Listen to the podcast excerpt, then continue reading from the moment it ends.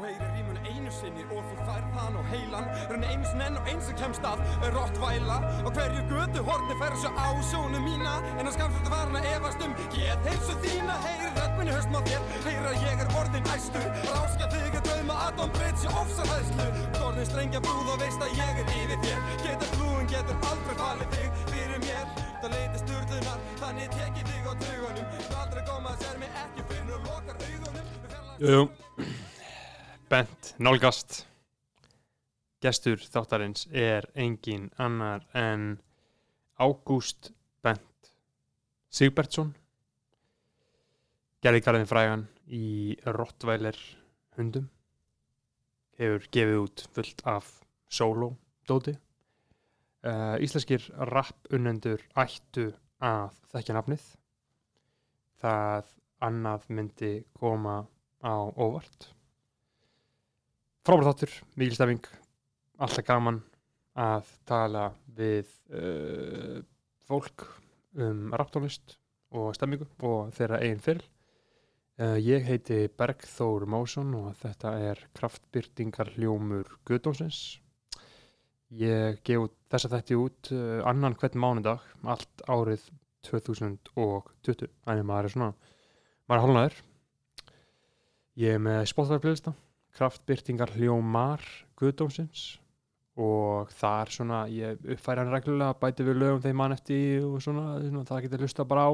Ég lof ykkur að þar er, þar finn ég góða, góða rattónlist.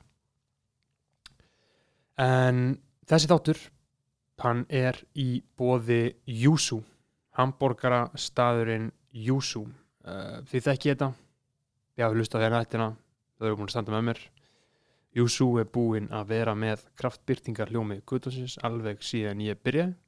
Hvað er janúar? Og amar, janúar, það er komin júli og júli er að verða búinn. Makar einhvern tími líður?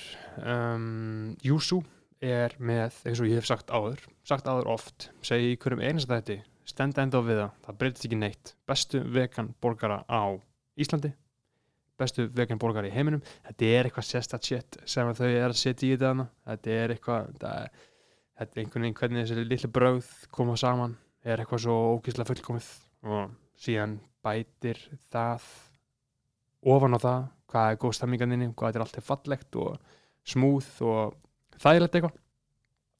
Júsú er á hverfiskötu 40 og 4 þú getur farið þáka einn og þú getur fengið góðan bjór, góðan mat og hlusta á góð tónlist og setið í góðum fallegum hönnunarstólum og hort á fallega fallega hönnunar innréttingu og bara allt þetta shit, þú veist, ég þekki þetta. Þetta er bara algjör sannkölluð veisla.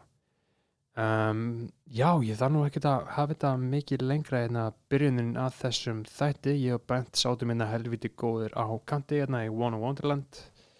Um, ég ætla bara að uh, byrja þáttinn og uh, vonandi hafið þið já, gaman að þessu? Og ég hafði að því að búa þetta til eða gera þetta eða spjalla hvað sem er. Og er einhverja pælingar eða uh, hugsanir eða eitthvað varandi þáttinn þá heiti ég Bergþór Másson. Uh, þið getið fundið mig allstaðar á öllum samfélagsmiðlum og allt við það. Endilega henda á mig línu eða einhverja pælingar eða hvað sem er, mér er alltaf gaman að heyra í hlustundum uh, já, þetta er bent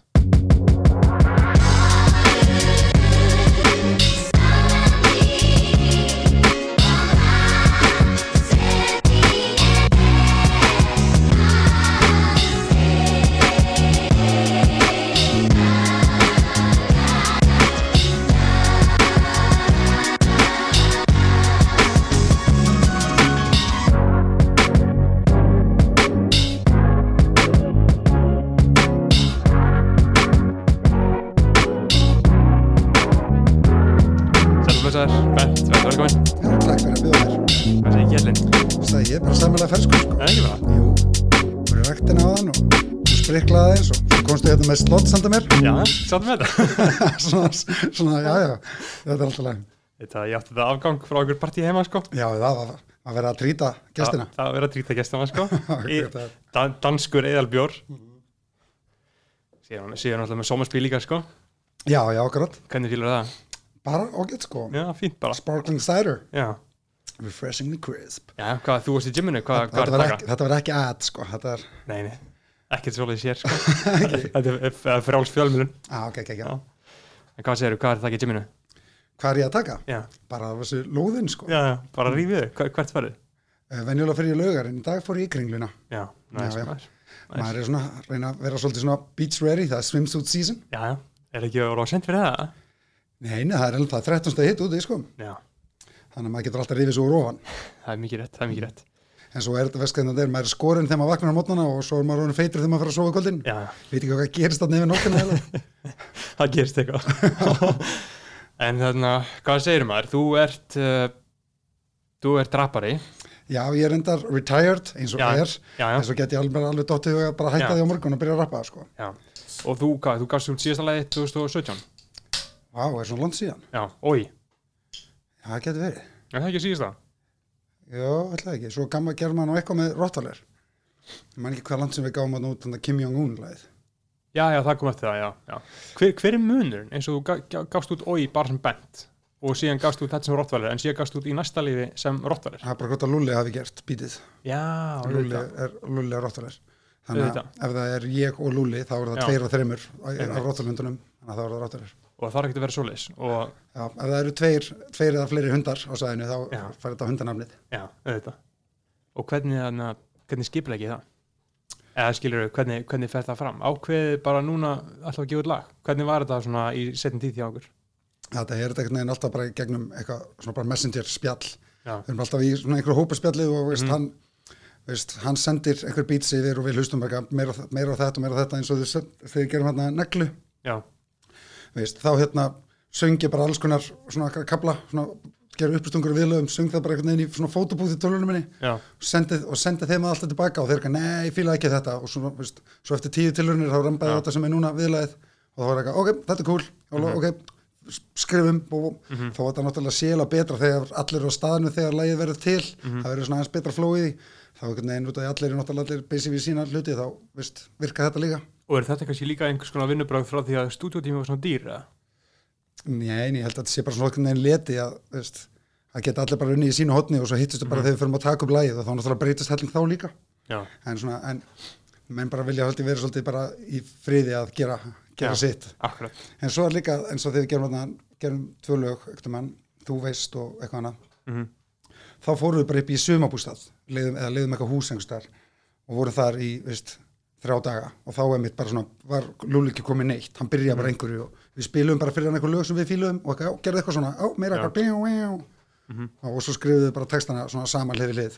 Og það var, það var líka mjög gaman, það var eiginlega skemmtilegast að gera músík bara þannig, þannig að allir eru svona meira organik, allir saman í herbygginu hvaða lög eru til úr því? Það var þarna, þú veist Já. og annað lag sem er á blussandi eða bara Blússandi blussandi það var geðallega sko, ég man ekki hvort það hefði komið út það, það, ég, ég sko, mér minnir að það hafi komið út bara gegnum eitthvað sko FN97 frumsýningu eða eitthvað. Já, við ekkert neginn, ég held að sé ekki eins og Spotify sko, Nei. það þarf að laga það. Það vantar alveg að kalla okkur Spotify sko. Já, það vantar nokkur ráttverðarlög vantar líka þín lög sko.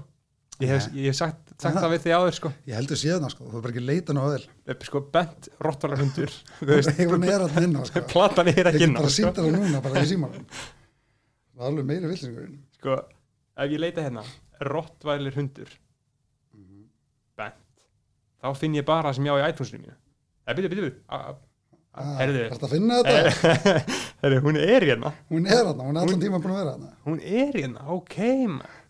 og alls konar. Alls konar veitleysa sko. Já, hvað er þetta? B-E-N-T? B stort N stort T. Það er bara einhver annar gaur sem heitir líka Bentaldi auðvitað, og góða ferð. Með Sjöberg, Það er enda svo plata eldist ekki vel sko. Ekki. Það er líka veist, mest allt í lagi að rapp eldist ekki svo vel. Þetta er Já, já. svolítið bara svona tónlist núsins og veist, það er alveg gaman einstakar plötur sem að gera það eldast en við líka allt í lagi að þetta bara virki ákvarðat þetta sumar sem að lagi var gefið út sko.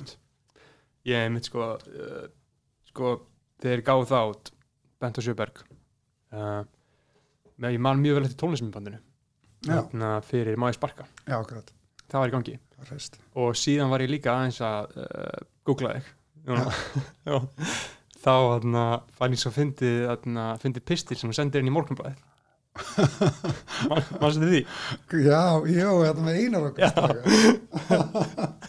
já, það er svona að þú sendir inn bref til morgunblassins Já, að svífur það einar ágúst. Opi bref að hann var, hann var hérna svona kynnir í á eitthvað svona topplistanum já, pop TV og þeir var að kynna lagi Mæði Sparká og eitthvað, hérna ekki nýtt lag þetta er ekki nýtt, þetta er bara stólið af Tribe Called Quest. Og þannig heyrði þá minnst á skítamóri laginu en það var ekkert verið að dissa neitt skilur, það var bara, það var eitthvað orðalegur hjá Sjöberg að svona einhvern veginn blanda, setja inn í bundumál allar hljómsveitir. Já, og það er náttúrulega, veist, þá líka þegar þetta lag var nýtt, þá voru margir bara, þetta er bara stólið maður bara, hvað því, þetta er bara þessu lögur bara ekki neitt lík, sko. Og núna náttúrulega þekkist miklu meira að fólk sé að vísa í gömlu lög og sampla kannski úr ykkur gömlu rapplögum og, og, þú veist, og, og svona kannan að kvóta meira. En þá var fólk bara svo upptíki bara, ekki ekki, móðið sparka, þetta er bara alveg eins. Þó er náttúrulega bara flóið og bítið og textarnir og allt sé bara alveg sikkert þetta er heldur ekki svona sama melodía Nei, þetta er bara alveg 100% Já. alveg. Og hann var sem að stjórna einhverjum svona pop TV Já, vinstaldalista já, og nýtti svona tækifæri þar til að rakka, rakka okkur niður og það var kynntilegið og þá svaraði ég með að senda opi bref í morgunblæði sem er alveg mjög nördaleg leið til að svara fyrir sig. Þetta er svona mjög gott sko, þú eitthvað hvetur pop TV sko til þess að ráðin hæfileika fólk eitthvað en ekki hálfvita. Já, akkurat, þetta er svona. Hvernig voru svona uh, samskiptin þeir náttúrulega rótfælið, þeir voru ósla á sama tíma og uh, þessi bönd, skítamórall og þessi sveitaballabönd og eitthvað. Hvernig var svona stemmingin á milli ykkar? Við vorum alltaf, veist Við vorum alltaf bara með stæla við það sko. Við vorum ekkit, sérstaklega að erpur er náttúrulega eins og erpur er. Mm. þannig að þessi fáu skipt sem að við lendum ekki að baksins með, með, með, svörtum fötum með eitthvað þá, þá vorum við basically bara alltaf að rakka, rakka á neyður sko, fórum dónulegir og leiðilegir við það en eins og segi hérna, sem var alveg mjög barnilegt svona eftir að veikja en eins og segi það gerist nú ekki ofta við vorum eitthvað, það var kannski bara nokkuð svona FM velunum eða eitthvað sem maður hitti eða eitthvað Það er bara mjög fyndið sko, fræga myndbandi af ykkur á YouTube og þjóðtíð með Átna Jónsson. já, já, okkur, Það er hann Magni á mó, mó, móti sól baksins líka. já, Fylgjast með þess allan tíman. já, já, okkur alls konar svona svoleiðis fyndin moment sko Já, en hvað, og það eru 20 ár bælið maður, síðan maður. Hvernig, Hljómsveit- hvernig er hljómsveitin það? er 20 ára gummul Já, Þú varst bara 17 styrla. ára. já, 17 ára þegar við minnum, vinnum músitilunir þú ert 37 ár í dag og var 17 ára þá. Já. Það er rosalegt. þetta er búin að vera langt ferðalag Já. Hvernig er þetta uh, helviti langt maður og þarna hvernig var það að vera 17 ára? Þið er náttúrulega að byrjuði eitthvað fyrir það ekki? Hefur- já, hérna, þetta var Þið er náttúrulega unni, unni músiktilunir 2000. Já, þá verður við svona svolítið til svona rottvalir bandið þetta er náttúrulega byrjar eða allt svona svolítið þegar veist, Lúli verið að gera beats. Mhm. þekkti hann eitthvað svona sína gamla dag og svo var ég líka á þessum tíma var ég líka þá var ég að deyta tvíbrásistur hans. Það var bara þegar við erum bara 15 eða eitthvað. Og hann er byrjað að gera beats og hann eitthvað að ég sé ekki til að rappa eitthvað. Þá var ég ekkert að rappa, þá var ég bara að DJ undir nafninu DJ Fat Fingers út af ég er með svo feitan þum að byrja skal ég segja þér. Heyrðu, hann er helviti hoppitalegur hjá þér sko. og ég hérna bent honum á Elvar. Og þá byrjuðu þeir að gera eitthvað saman. Mhm. og Elvar, Stjáni og Lúli og svo hérna á einhverju giggi þá, svo bókaði þeir eitthvað gig og Stjáni eða bara svolítið svona gugnaði á því að taka þátt, bara fast ekki nú vel undirbúnir. Þá einhvern veginn hoppaði bara í skarðið og fó bara í þetta. Og þá eða byrjuðu ég, Elvar og Lúli að gera gera sama músík og hérna, það var samt allt bara á ensku og eitthvað. Já. eins og allir orða það ég held að þeim heitir sko Quotable Comrades eitthvað Quotable mjög, Comrades. eitthvað mjög hallarslegt Var þetta einhver, kommunism í ykkur eða? Já, það var eitthvað alltaf eitthvað smá. Þa, það held ég að komið svolítið frá Erpi við þekktum hann ekki neitt en ég sá Erpi í sjónvastættinum Pétur og Páll á skjá einum Mhm. þá var hann veginn, var hann svo fyndin típa í bæjavinnunni í Kópói þá var hann að vera svona kommunisti og hann, og maður byrjaði einhvern veginn strax að svolítið líta upp til hans og byrjaði þá Mhm. Já. líka að vera svona kommunisti maður hlusta Já. líka alltaf á hann, hann var með útastátt með bróðu sinum á Rás 2 sem heitir Risaðalan Erpur og Cesara Já, og maður alltaf dreif sig heim á, veist, mann ekki hvort það var sundags að 15 skvöldum Mhm. og, og hlustaði, hlustaði á það og tók það upp á kasti Hvað verður að tala um? það bara að vera að spila rapp, það var bara Já, rappfóttur það það bara-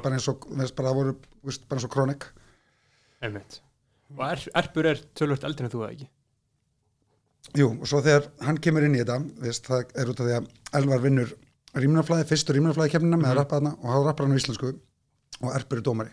Og þá segir hann eitthvað, heyrðu við ættum að gera eitthvað saman. Og hérna, og þá er og hérna, svo fyrir við saman í eitthvað, eitthvað ferðalag og eitthvað, þá er, við, þá er ég 16 eða eitthvað. Svo emitt stopnum við Rottalega hrunduna, Erpur vildi eða ekki vera með út að við vorum bara 17 og hann 23 Já. hann var gestur í bygglu Mhm. svo vinnum við músitölunar og þá er Erp bara, ok, ég skal vera með. Já, og þá var til, XSX, já, þá fyrst voru 110 rottarlundar já. en út af því að Erp er ekki á árbænum þá breytti við í já. rottarlunda Ok, þetta er náttúrulega áhvert að því að sko á þessum aldri þá var náttúrulega rosalega munur á því að ég var 23 og 17 já, og það hefur alveg verið fyrir hann. Já, já, man, man, man, hérna, eftir að við vinnum músitölunar þá fórum við, reynd- reyndu að fara á jammið og hann reyndi að retta okkur hann á sirkus. Eitthvað, og við komumst hver ekki inn þetta vorum bara 17 Já, og maður ekki að reyna að fagna því að vinni en við gáttum, voru lítið gert. Já. Og þið vinnið þarna músiktilunir árið 2000 já, og, hven, og síðan kemur platan út. Hver, hver, hver, líð, hvað líður langur tími? Það er alveg, að, veist, hún átti að koma út bara fyrir jól, sömu, sömu jól, sko, sama ár. En hérna svo frestaðist hann alltaf hérna bara fyrst að gera samlingu Japís og Japís var á hausinn og alls konar. Þannig að þetta kom ekki fyrir, fyrir sko november 2001, einu hálfa ára eftir við vinnum úrslutinir En voruð vinsalir í mildtíðina? Já, þannig að það var raunni, út af við vorum alltaf að plugga sér plötu sem var alveg alveg að fara að koma þannig að loksist þegar hún kemur út, þá er ekkert alltaf söðupunktu og alveg mörg lögin orðin vinsæl og þannig að það var raunni bara mjög gott gott þess að, að það tafist aðeins Já, en hvernig eru lög vinsal hann? Í útvarpinu það? Þetta er ekki alveg svóland síðan. Það eru bara, eins og lög eins og lög í dag eru vinsæl, mannstu bara ekki eftir tíma fyrir Spotify? Ég meina, sko, ég, ég var náttúrulega, ég var sex ára þegar, þegar þið gáðu fyrstu blöðuna, sko. Já, ég meina það er bara, veist, í útvarpi og svo er náttúrulega tónlistmömbönd voru mikið lög en, veist, og svo bara spila á tónleikum og, og svona, Og það einhvern veginn bara gerðist, eða? já, veist, og svo náttúrulega var alveg til internet, sko. Já, já En það voru ekki bara einhver Svona- weirdos á því, Já, eða? það, var, það var nefnilega til útastöð sem hétt musik.is Mhm. og, og það kaus fólk bara á netinu hvað það vildi heyra og það kleifði það svona upp vinsaldalista, þannig að það var svolítið eins og bara myndi vera Spotify núna, bara sérðalega Mhm. það sem var þá spilað í útvarpinu eftir þeim lista og það var inn á þar var veist, bent nálgast og lögum svo viltu með mig vaka með þessi sem sé Messias, já, classic leiðis já. Já, ok, og einmitt, músík.is Og þið einhvern veginn bara það var ekki með rottvæla ræðið já, það á temludagi Já. og þarna svo út af því að platan var svo vinsæl þá kom hann ára 2002 Hver, hver, kom er- hver, hver er mælikarinn á vinsaldir? Skilu, hversu vinsalir voru þið miða við eins og hversu vinsæl, þú veist, herran Hedgesmur er í dag? sko, hérna, ég veit ekki við sátum svolítið einir að rappinu Mhm. þa- þarna, þú veist og, eh, og rapp var náttúrulega ekki næstu að vinsal bara yfir höfuð hún er nú Nei, nei. Var þetta ekki smá nýs? En bara þetta var samt alveg við seldum blötu og unnum alveg svona eitthvað plata ársins og íslensku tónlistavelunum og allt svo Ok, þið hljómsveit alveg svona- fengu alveg establishment viðurkenningu já, já, unnum öll velun og allt svoleiðis og seldum platínu og svona Mhm. og svo þarna 2002 þá kom svona svona æði þá skífan og eddamiðlun og allir réðu bara alla rappara sem við gáttu fundið Mhm. og þá kom svona veist, svolítið offrambóð allt í einu rapp og kom út einhver 15 rapplutur á einu ári Hva, Hvaða plötur tala um þar? 2002? setni Róttalplatan, Bent og Sjöbergplatan og, hérna svo bara endalust af alls konar villisu svo, Rim, rimna mín, dæmið og- eða ég kom veit, veit ég held að rýmna mín koma aðeins setna kannski bæjarins bestu, hvernig komu þeir? Afkomið Guðana líka? Já, ákveðum guðan að koma að það skiptunar, veit ekki. Kannski, Man, hérna kom bara eitthvað ógislega mikið. Ég er náttúrulega hérna sem ég sveik hérna hundana með þessar Bent og Sjöbergplötu þegar ég vissi að við vorum að fara að gefa út eh, setni Róttalplötuna Mhm. og ég er bara svona dreifið mig upp í ettu og gerði samning fyrir Bent og Sjöbergplötuna á þess að segja þeim frá því Ok, veist og hérna út af því að í bara nokkrum dögum áður við skrifum til skífusamningin og það sá samningur hefði bannað mér að gefa út eitthvað aðra plötur Mhm. þannig að ég var bara, sorry guys, ég er búin að gera samningan Já. þannig að ég er að gefa út aðra plötur líka En- en- bara tvær plötur sem komu eiginlega bara bara nákvæmlega sama tíma en hvernig, anna, hvernig voru þessi samningar? Hvað stóð í þeim? Skilur Það- veist við fáum ekkert pening og þeir, þeir út plötuna og einhverjir svo skipta einhverjum réttendum og einhverjum prósendum og og er, er, er, er, er að sjá einhvern pening af þessu í dag? nei, nei, alls ekki í dag sko. Svo líka þegar maður lítur á þetta núna þá var alveg, Var ekki verið var, að var, alveg verið að taka mér raskat Er það ekki, var ekki verið að vera- var ekki verið að arðra en einhver eða? jú, alveg helling sko. Það var einhver ríkur og ekki þið. Já, maður ma mætti segja það sko, við fengum mjög, mjög lítið fyrir þessa plötu þó við höfum selt mjög mikið á endugum. Mhm. Svona, svona var þetta þá sko, núna, ja. núna vita allir miklu meira hvað er að gera þegar kemur að Mhm. svona samlýsmálum og peningamálum. Allir, allir þessar rappar í dag eru bara mjög víst, klárar þegar kemur allir svoleiðis Já. og eru svona kunna að branda sig og gera allar þess að díla sjálfur og, og eru svona miklu businessmenn í dag sko. Einmitt að því að þegar þið náttúrulega byrjuð eins og þegar þú varst bara eitthvað 17 ára Já, ungur gún skilur, bara fílaði rap hverju voru draumanir? ég held að maður aldrei, víst, maður hefur veginn aldrei verið með eitthvað fimm ára markmið sko. Tekur bara einhvern veginn eitt að einu og reynir En- að njóta þess. En þú lítur samt að hafa svona haft einhverja vonir um eitthvað? Já, veginn, maður byrjaði byrjaði strax einhvern veginn svolítið á, á topnum þarna, maður veginn hafði aldrei einhverjar einhverjar draumum að fara neitt til útlanda en eitt hannig Nei. og hérna, þannig að það var bara raunin bara þetta, það sem við vorum að gera sko, reyna Mhm. að halda því áfram sem lengst. Mhm. að vera að spila á stórum tónleikum og, veist, og geta að lifa á rappi. Já, og þið náðu því vel lengi að já, já, maður hérna, veist, Erpur hefur aldrei unnið heiðilega vinnu á æfisinni, sko, ekki bara síðan var í Nei, og þannig að hann hefur lifað, verið bara atvinnur rappari í 20 ár. Og hérna, en já, við tókum hann ég tók hann nokkur ára sem að gera ekki neitt nema að rappa. Og svo líka alveg, svo alveg öll árin leika eftir það, þá var rapp alltaf svona, svona veginn með Já, öðru, þannig að maður var alltaf að fá einhvern pening sko, en ekki jafn mikið pening og gaurunir í dagar að fá sko, Veist, núna eru bara eru veist, rappar að taka bara nokkur gig á einu kvöldi og, Mhm. og núna eru, núna eru komin peningar í brennan. Já.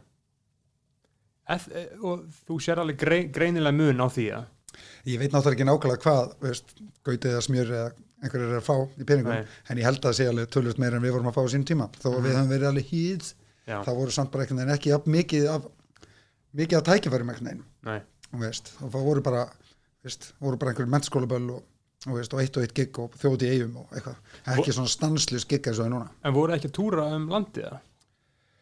við höfum, maður hefur aldrei einhvern veginn keirt ringin í rútu, eða jú, Nei. maður hefur Þið voru náttúrulega, þið áttu rottvalar hundar bara van, sko. Já, akkurat, ef við leiðum hann bara sko, við áttum hann ekki. Eða, eða þú veist, hann var, hann var, brandaður, sko.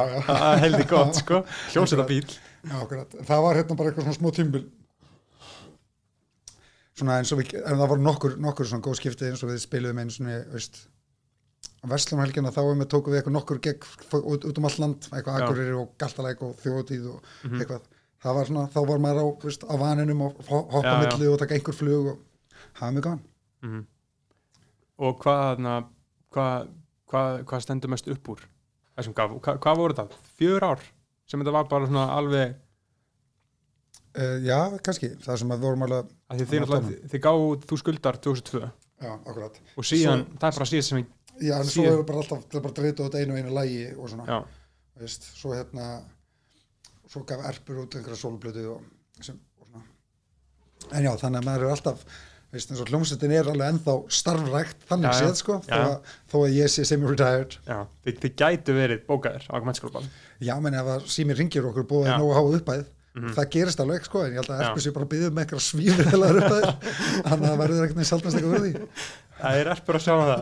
Já, erpur er svo harður þegar kemur svona penningmálum já, en svo er náttúrulega, gef- hann er líka smá svona, og það er hann alltaf, já, róttalega kostar bara það er svo svífurlega uppæð, en þú getur fengið blasrokka og það er alveg helviti fýtt íl sem að fara þar sko þú ekki að koma okkur í sólis í gang? Þú ert náttúrulega verið að gigga með steinda, eða ekki? jú, eitthvað svona, eitthvað svona til að byrja með. Það var maður að taka hann að tjá mig kvöld og gutt á munnum og eitthvað. En ég held að Ötti sé bara að gera það núna. Glýmist alveg að borga mér stefgjöldin að því held ég. Já, já, þú ert ekki að sjá því. Mm, mm. en en að, og típist að þetta verður tekið í eitthvað fyrirsökningu stað bent bitur yfir því að finnst hann svikin af steinda Ötta Já. en mér finnst það ekki sko nei, nei, nei, nei, við erum allir vinnið hérna. En finnst það gaman að spila það? sko, mér finnst það gaman þegar maður er með vinnu sínum það er eiginlega svona síðast ég tók eitthvað svona gig einn veist, fyrir okkur mentaskólabali veist, þá stóð ég bara einhvern veginn á milli laga upp á sviði og hugsa bara, hvað er ég að gera djöðl er ég hallaraslugur hérna hoppandi eitthvað um einn ég, og það er einhvern veginn eitthvað svona hálf þunnur og eitthvað aðleitna einhvers staðar upp í, veist, mm. upp í, upp í og það er bara, herði, ég neynir ekki sko. Og bara eftir það bara hætti ég alveg bara veist, en mér finnst það alveg ennþá gaman ef ég með, komin út á land og er með, veist, með hinum hundunum og, og svona, Er þá það- er það stuð sko. Rottvæl-gig en ekki bara bent Já, akkurat. Veistu, þá ertu bara að hanga með vinnunum og, og, veist, og ha- having fun. Þannig að það er alltaf gaman. og þið hafið alltaf verið góðir. Rottvæl hundanir Já, hvernig þá? eða þú veist bara al- aldrei komið eitthvað upp á millikar eða Jú, eitthvað oft, sko, en ekkert aldrei neitt alvarlegt.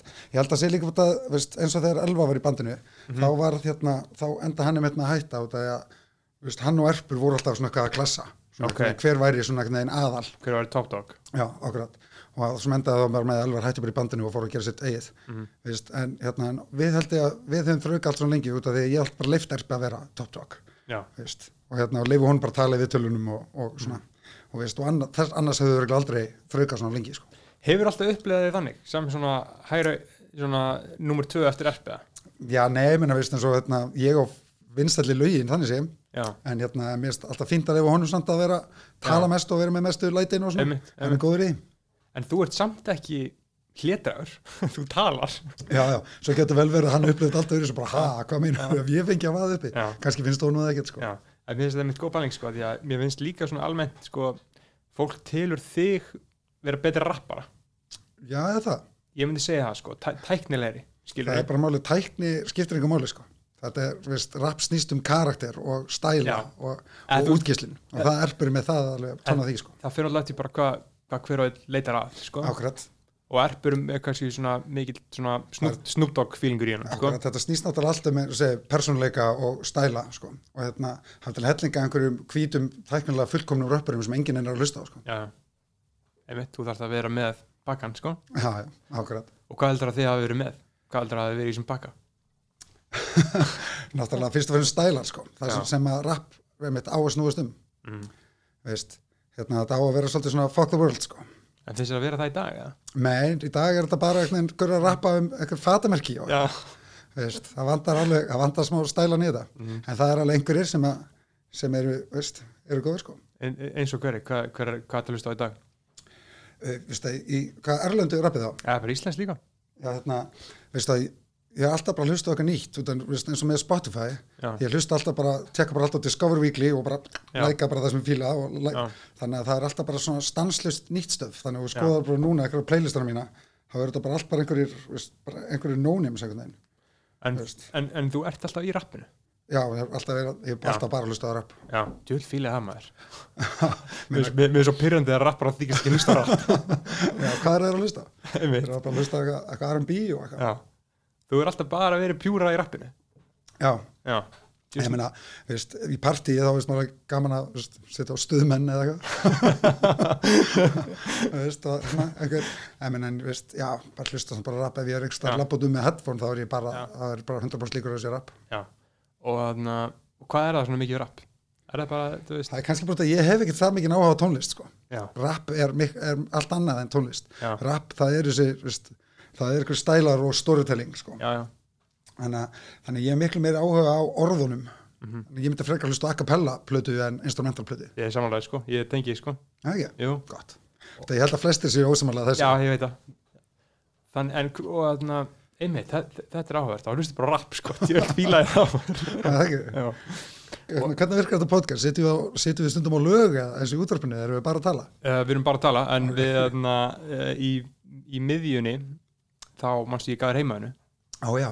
já, við, við, við komum í það sérna Hvað, já, ok, þú lætum við vita að við erum í miðjunni. já, þetta er svona, þetta er svona hálftíma Herðu, ég var að mæta annað, þetta er smá sko. já, hver, hver það var mættur Bara barinn reyndar, já, samt. Það er, alveg, við, við, við, við, ná, við, ná, við náum einu, einu, einum og hálfum tíma það er bingo í garðinum á Dillon. ok, Svo er einhver stelp bara svona, allar er með, er með uppistand fyrir utan uh, tíu, tíu sopa. já, Svo hérna er apotekið byrjar aftur að vera með ostrur á 50 sem Ok. eru fljúa inn frá Írlandi Já. bara núna, eru núna bara í loftinu Já. fljúandi Já. þannig að þú farið þar alveg bara glænýjar á diskiðin bara brakandi ferskar. Já, og svo er karaoke líka í kvöld á Miami. Svo þarf maður líka að fara okkur veitingastaf út af því að ostrur Já. er ekki það mikill matur. Nei, nei, þannig að það er nóg að gera þannig að ég get ekki verið hérna í allan dag að ræða, ræða um fortíðina. Og þarna, einmitt, þú ert, þú ert, þú ert mikið þessu, út miðbæði maður. Já, já, ég er hérna svona man about town. Já, og, þarna, og þú verður ekki þreytur á því að langar aldrei til þess að settle down og, ég veist, þegar maður fer eins og ég man einu sinni fór ég til Ísifærðar með þáverandi kærastinn minni í viku. Mm, svo bara á degi tvö þá var maður bara, ok, við erum búin að borða öllu veiting, veitingastöðinum í bænum og búin að labba upp og niður þess einu götu svona hundra sinnum. Já, bara hvað er við núna að gera? mm, og bara, uh, höldum hérna quiz á, ba á barnum. Já, byggum, þannig að við dundum okkur búið til quiz heldum quiz, og við erum ekki allir til í þetta. Og fólk bara, uh, ná maður pína einhverja örf á Já. til, að- til að taka þátt í þessu. Og svo eitthvað daginn eftir það bara, hvað er við að gera, það er hérna að spyrjum hvort að barinn vil ekki lega okkur að halda karikukvöld Já. þannig að við vorum bara orðin ykkur svona skemmti stjórar Já. ísifærðar bæjar hérna, ég sagði nokkur dagar sem vorum hérna. Svo bara, veist, á degi fimm þá vorum við bara bara, ah, bara, veist horfa fimm bíómyndur á dag og vorum bara, veist, þá bara, hvernig getur fólk bara búið hérna alla æfi þú þarft að vera í aksjónu já, ég er meira fyrir það, sko. Ég er skaman að vera í kringum hana fólk og, og svona, einmitt, einmitt, en þarna að, uh, að rappinu. Já, hvenær þarna út úr orbanum true. Fæðingastæður íslensk raps eða ekki er stærri Íslands raps, já, þetta er nú ekki. Er, hafa menn ekki að gleyma það? Nei, það, það var allavega mjög skrítið ef einhver myndi gleyma það. Hérna, það var náttúrulega rapp alveg undan höndunum. En ekki á íslensku Já, nei, það var svona skipturnar gáðu þennan plötu árið, nít- árið 2000 Já. sem að væri hægt að kalla fyrstu, fyrstu íslensku rapplötuna. einmitt, En hvað heitir svo plata, veistu það? hvað hétt hann þetta? Allan, en það var bara svona EP, það voru bara eitthvað sjölög já, já, og svo var hún heldur ekki alveg, veist, ég held að það bara verið eitthvað skrifaða diskur og eitthvað, en þeir gáðu hann út í alveg nokkur myndingum. Mhm. Það var hann ég gera það sem ég vil. já, voru það þau lög eða Já, og það, það, ílgressið, nei, nei, nei, Nei. þetta var bara því, þetta var Já, bara, það var bara svona sjölaga EP árið 2000. Mhm. en svona, við höfum eiginlega bara svolítið svona kosið að hunsa það og sagst að hafa verið fyrstir. Tekið kreddi Já, akkurat. Og þarna, og hvern, hvern, hvern, hvernig var stemmingin á það? Þarna náttúrulega í árbænum, þú veist, þarna varstu kannski að freka mikið að velja, sko, þarna, þarna varstu að velja hvort þú verið skopari eða popari eða goffari eða hnakki þetta eða, er náttúrulega, kemur allt svolítið með Subterranean. Já, Subterranean gefa þarna út plötu 97 eða 6, 7 gefa út plötu 97 Kvarasi gefa út plötu 96 og svo Subterranean 97 og þá byrjar svona hip-hop æði Mhm. svona, þá byrjar allir krakknar að vera í víðum fötum og, og svona og byrja að hlust og hérna, þannig að það var alveg þegar maður, ég er í gagg og þá eru allir veist, þá hlust allir bara rap Já. allan að það sem ég er sko. mhm, veist, ég, það lagið sem kom mér inn í rappi var hérna, bara þegar ég sá MTV þegar ég var 11 ára sá ég Liquid Swords með Jizza Wu-Tang. When the MCs came to live out Mhm. the name. Og ég var bara shit, hvað þetta er töff. Já, það er náttúrulega, þá er það skilu aðalega bara svona veginn lúkið og attitútið og það sem að rífum hann frekar en Já. það veist, frekar en þetta hafa verið svo ljúir tónar. Það er bara shit, hvað þetta er töff. Já, og, og svona, og svo bara þá mitt bara fattist DJ Fat Fingers. Já. Og maður er ekki litið aftur síðan. Og hvernig varstu að uppgöta, þú veist, hvernig fórstu síðan dýbran í Wu-Tang? Var, var, var það ferðlega? Þú veist, uppgöta að Jissa og fórstu síðan Já, bara og svo endur Wu-Tang og allt þetta en þá, er myndi segja, þá var líka alveg byrjuð svona sena á Íslandi og veist, kronik í útarpinu og, og svona, þannig að þá byrjaði þetta, allt saman sko. og þannig að 90s rap var þá náttúrulega geggja alast upp í því að það er bara akkurat. veist, að uppgöta það jafnóðum Já, maður mann alveg hérna þegar, ég mann alveg bara í ársili þegar Biggie deyr og, Shit. veist, og Ditti Fel og allir eru að hengja upp eitthvað rest in peace Biggie, eitthvað út um allt og króta á ekki og eitthvað. shit, maður, ég er svo snild að muna hvað maður var. Ég var samt svona aðeins svo ungur til að fatta það almennilega sko. Mm. sko náttúrulega, sko mér finnst það pælt í því, Tupac var 25 ára hann dó og Biggie var 24 ára Pælið, bara krakkar. já, þetta er bara fokkin krakkar Biggie var yngri en ég, Rugl. Þannig að þá var nú pælið að hann. Túbak búin að áorka tölvöld meir en þú. Er það ekki? Ha, og verið að fara að hísi beði brækjarnar með já, og þarna, og rappið er að koma í árbæðin já. Og hvernig er þetta að koma, skilur er bara einhver, plötubúð sem þið fara að kaupa gist, gistliskana? Já, þá bara tekur strætó.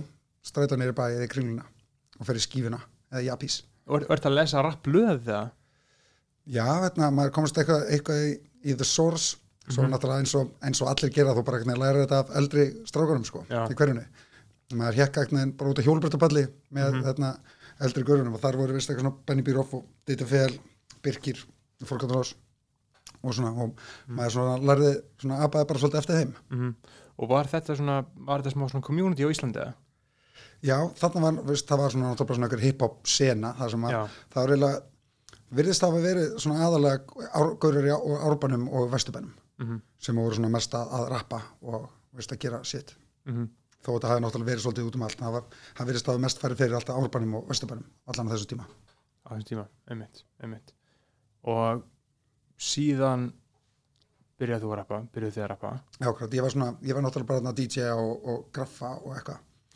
Og hérna eins og ég seg- sagði hann, svo var maður svolítið svona plataður inn í þetta með með Lúla og Elvari.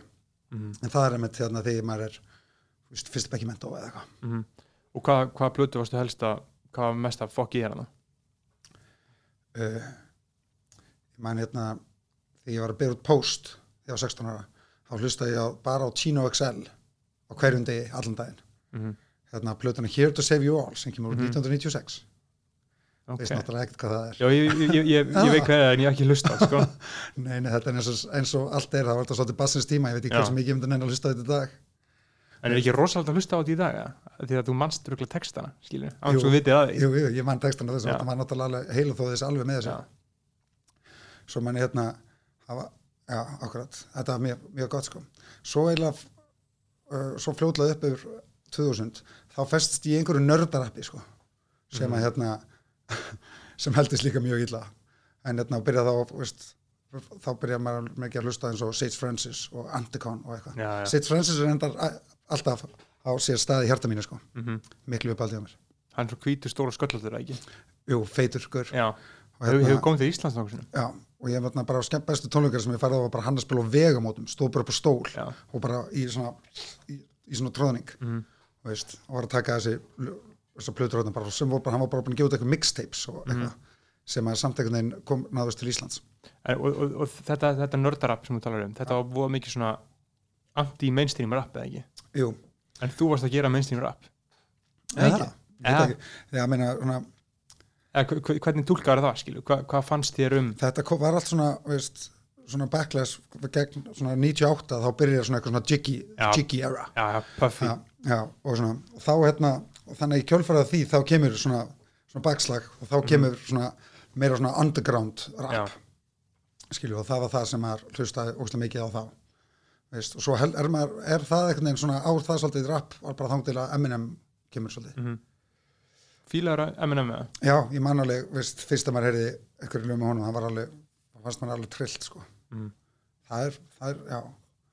Hvernig kemur hérna, Ní- 99, já, 2000 einmitt, bara, bara leið, maður heyrði það bara um leið. Já, bara fyrst, allir maður hefði ekki heyrt bara Hi My Name Is fyrst, bara Mhm. þannig 99 já. Þá fannst maður strax bara ekki þetta sko. Og síðan komur náttúrulega ennend allt þetta G-Unit dæmi hvernig, hvað, varst þér um það? uh, ég var aldrei eitthvað það mikið í því sko. við hituðum upp fyrir þá í lögðarsöll ok, en náttúrulega, ég veist, maður hefur hituð upp fyrir alla þessa gauðra veist, svona Snoop og, veist, og 50 og alla, en maður er aldrei hitt neina þeim sko. nei, nei, kannski ekki náttúrulega veist, þannig að valla einu svona það er ekki sem maður hafa að spila með þeim maður Nei. bara spilaði og Nei. svo alveg hálftíma pása og svo komið Já. Það meiri sjálfur bara rekin af baksi svæðinu sko, bara, að veist, lunga voruð þið koma svo þessi bara ekki sjensa maður reykist á það sko. einmitt. Það er allt, allt hundlega sko. alveg pottitt en þannig að þið gefa nú sko, ég hef áhuga á þessu, tíumbili þannig að millir 2002 og 2006 já, hvað er það að gera þá? þú gefur út sólblötunina 2006 já, en það er alveg fjögur áruna hvað var maður eiginlega að gera? Ætla maður ekki bara verið hvað í mentaskóla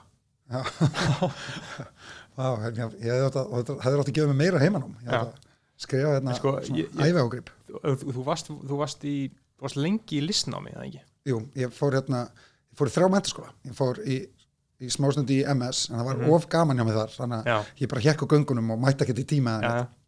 þannig að ég fór í myndlistdeild upp í FB já, var þar í nokkur ár og hérna, svo fór ég í Borgó og margmælunadeild þar og svo fór ég í listaháskólan í grafska Mhm. hönnun já, þannig að, þannig að þetta allt tók vist frá 2000 til 2009 og þetta, og þetta er allt myndlist, Já. hvað?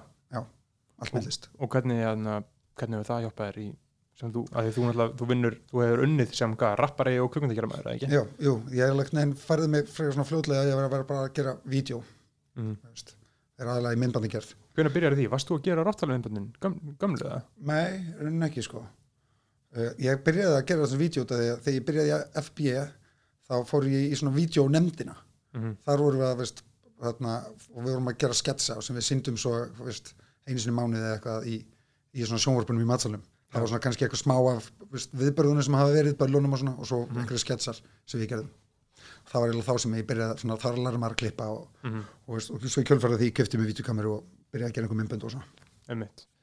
Og uh, síðan 2006 kom, kom, kom sóloplataðin. Já. Hvað það lengi að gera hana?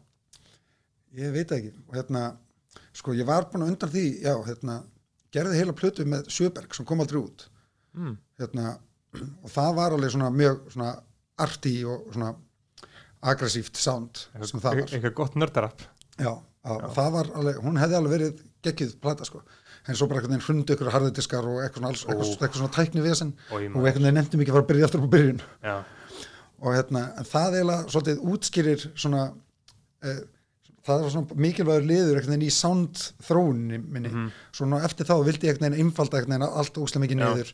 Og á soloplötunni þarna sem ég gaf út hún er alveg svona, næstu í bara svona barslega einföld, einhvern veginn alveg búin að taka svolítið mikið út alla við stóðu sér að leika um eitthvað svona orðaleiki og svona þá vildi maður alltaf reyna að reyna að fanga einhverja einlagni í staðinn en sko þú verðist verið að taka rappinu mjög alvarlega á henni Já, akkurat, maður alltaf en eins og á henni þarna þá er eitt lagi sem með Sjöberg, það er unni lag af, af plötunni sem kom aldrei út Mhm. það er kannski útskýrir þessa pásu þarna hérna, við vorum svona alltaf í stúdíu þarna, við vorum saman í stúdíu Já. Spæðins bestu, Bento Sjöberg og við vorum alltaf að spila einhverjum tónleikum og gefa út einhver lítil mixtapes og, Mhm. og eitthvað þannig þannig að þetta var ekki alveg bara þögn frá 2002 Nei, til nei. 2006 það, Nei, var- nei. Það var eins og þessi plata sem kom aldrei út og svo alls konar bara svona eitthvað mixtape flip og, Mhm. og svona, við vorum alltaf í stúdíónu og svona. Hvernig, og þarna kostaði mikið að vera í stúdíu þarna? Hvernig voru og vorum stúdíu bara tónleikurum saman. Já, skilu allir að borga einhver veist, bara einhverju gaur 20 skall á mann eða eitthvað. Bara einhverju gaur að hrúast í einhverju stúdíu já, ákveðat, Já. svo bara einhvern veginn að hanga þar og reykja hass og eitthvað. Já. Eins og það